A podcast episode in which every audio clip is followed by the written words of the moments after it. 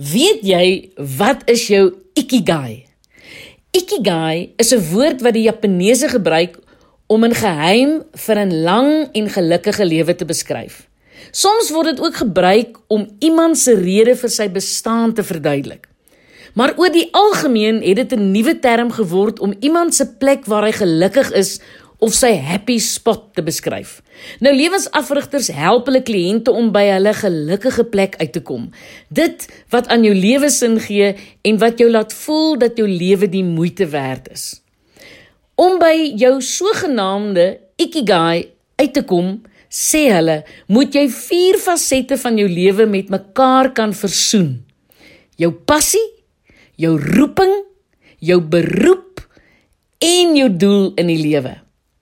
Nou die vier vrae wat jy vir jouself moet beantwoord is: Wat is my passie? Waarmee is ek nogal goed? Kan ek hieruit 'n lewe maak? Met ander woorde sal mense my hiervoor betaal. En wat het die wêreld nodig? Is daar 'n mark vir hierdie diens of produk wat ek kan lewer? Kan 'n mens gelukkig wees en oorlewe? Kyk, baie van ons het 'n loopbaan gekies op 'n ouderdom toe ons nog nie 'n benul gehad het van die lewe nie.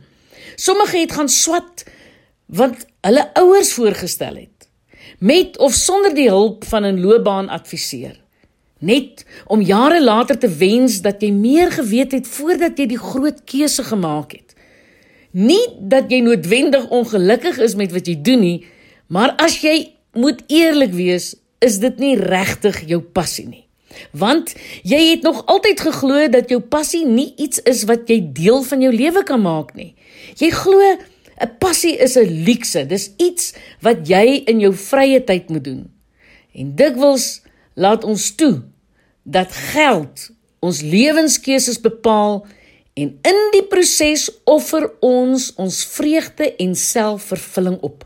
En ons skuif ons passies uit na eendag, eendag wanneer ons tyd sal hê om dit te beoefen. Maar navorsers het nou uitgevind dat suksesvolle mense vroeg reeds by hierdie happy spot uitkom en hulle sukses juis hieraan toeskryf. Hulle maak dit deel van hulle manier van dink, doen en lewe. Nou, hoe leef 'n mens wat sy geluk gevind het? Die dag wanneer jy glo dat jou lewensgeluk hier en nou binne jou bereik is. Dit is die dag wanneer jy by jou ikigai uitkom. Ikigai mense lewe so. Hulle mors nie hulle eie energie nie, maar gebruik dit met groot wysheid.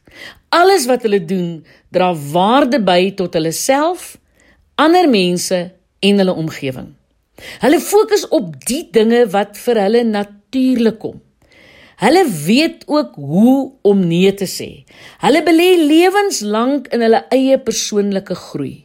Hulle besluit aktief om dinge te doen wat hulle lewens verryk.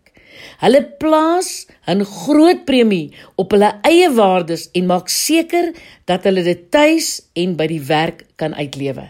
'n Ikigai mens sal nie vir 'n maatskappy werk met 'n waardestelsel wat met sy eie waardes bots nie. Hulle het geleer hoe om hulle eie lewens te vereenvoudig.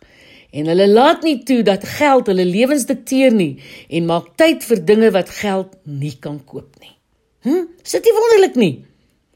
Wie beskerm jou teen ander se opinies? Ons as vroue is die hele tyd besig om seker te maak dat ander gelukkig is. Dis in jou aard om ingestel te wees op die behoeftes van jou man, jou kinders, jou kollegas, jou werknemers of jou baas.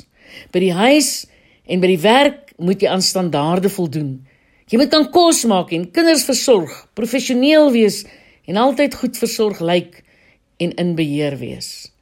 Jy word dopgehou en jy's uitgelewer aan ander se opinies en kritiek ook jou eie ja. Ek het nuus vir jou. Jy kan nie almal se toetse slaag en gelukkig wees nie. Mense gaan jou seermaak. Hulle gaan jou oordeel totdat jy die sleutel ontdek. Gaan lees 'n bietjie Moses se verhaal in Eksodus 17. Die Israeliete wou hom met klippe doodgooi omdat hulle nie water gehad het om te drink nie. Maar dan lees ons God se antwoord in vers 6. Ek sal daar reg voor jou op die rots staan.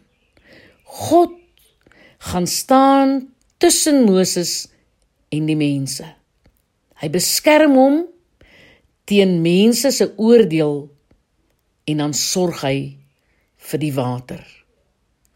Dis die enigste sleutel tot jou geluk.